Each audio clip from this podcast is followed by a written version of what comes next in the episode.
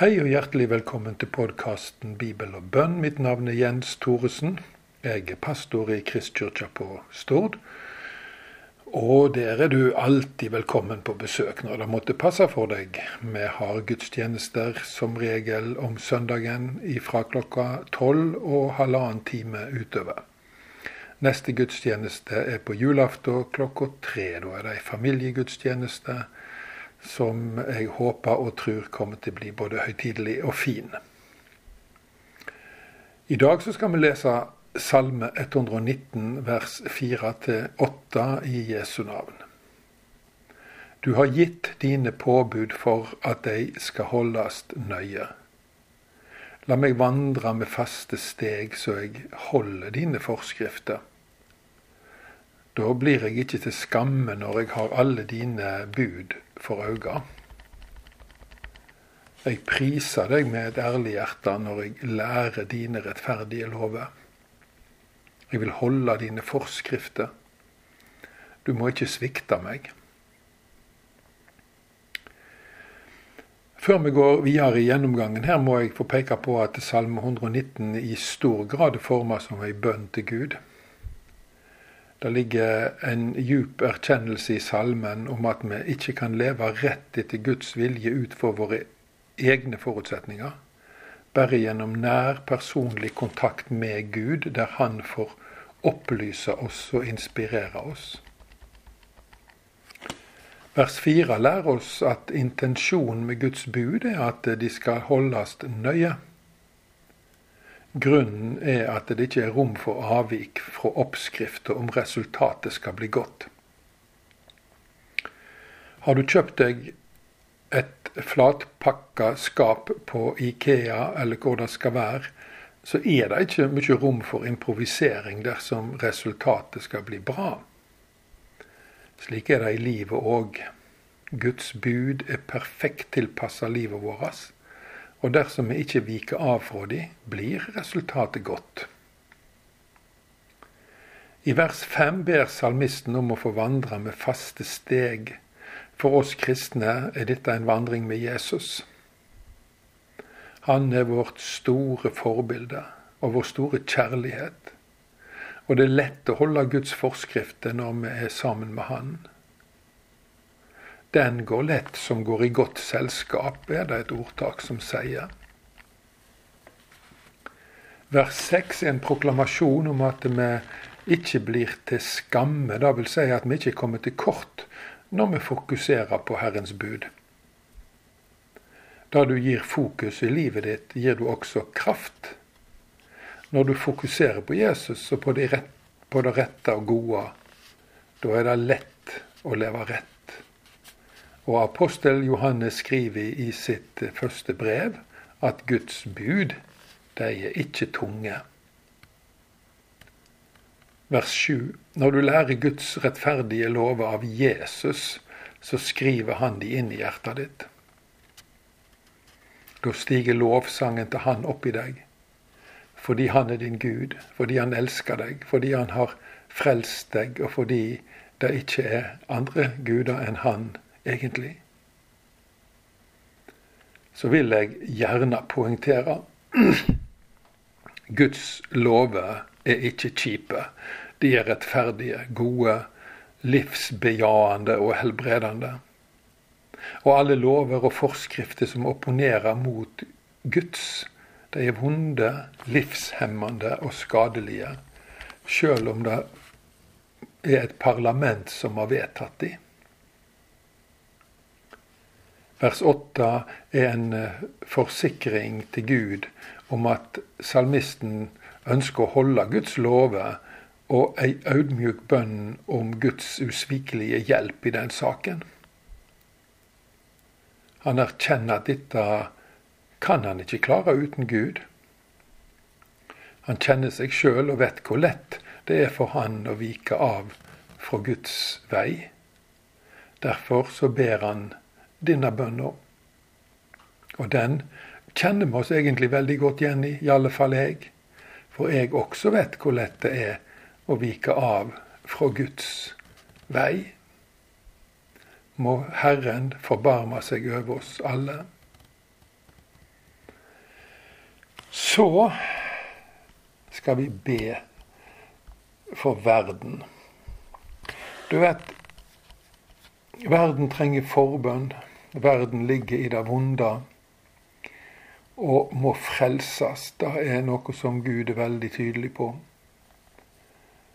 Men skal verden bli frelst, så må menigheten be.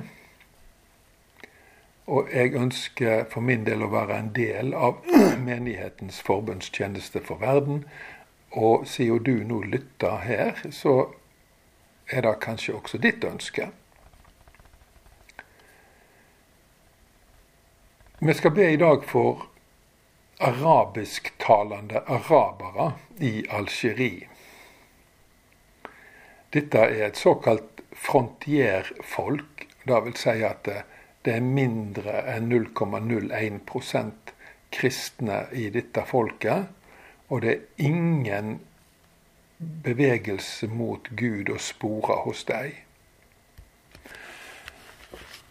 Det er jo flest arabisktalende arabere i Algerie. 32 601 000. De er etterkommere etter arabere som invaderte Nord-Afrika på 700-tallet og innførte islam som hovedreligion i hele regionen. Det er vekkelse i Algerie i våre dager, men det er i den berbiske urbefolkningen. De som var der før araberne kom de var jo kristne. Hele Nord-Afrika var jo et kristent område før det ble islamifisert. Nå skal vi be for de arabisktalende i Algerie. Gode far, du elsker de arabisktalende i Algerie så høyt at du gav de sønnen din, den enbårne, for at hver av de som tror på Han, ikke skal fortapes, men ha evig liv. Vi ber nå om at du skal ause Den hellige ande over dette folket etter ditt ord i Joel kapittel 3. Gi de Jesus syner, åpenbaringer. Åpenbaringer om Han som er veien og sannheten og livet. Tal til deres sjeler, smelt hjertene deres, og gi de frelse for Jesu Kristi skyld. Og det ber vi om i Jesu Kristi navn. I dag skal vi også be for Venezuela. Venezuela er jo et stort land nord i Sør-Amerika med 28 800 000 innbyggere fordelt på 66 folkegrupper som snakker 47 ulike språk, men hovedspråket er spansk. Den største religionen i Venezuela er kristendommen, og da er det snakk om den katolske kirka som dominerende, men over 10 er evangelisk kristne. Venezuela er etter et vanvittig sosialistisk eksperiment av inkompetente ledere blitt det fattigste landet i Latin-Amerika. Økonomien har rett og slett smelta helt ned. Og det er mangel på alt simpelt hen.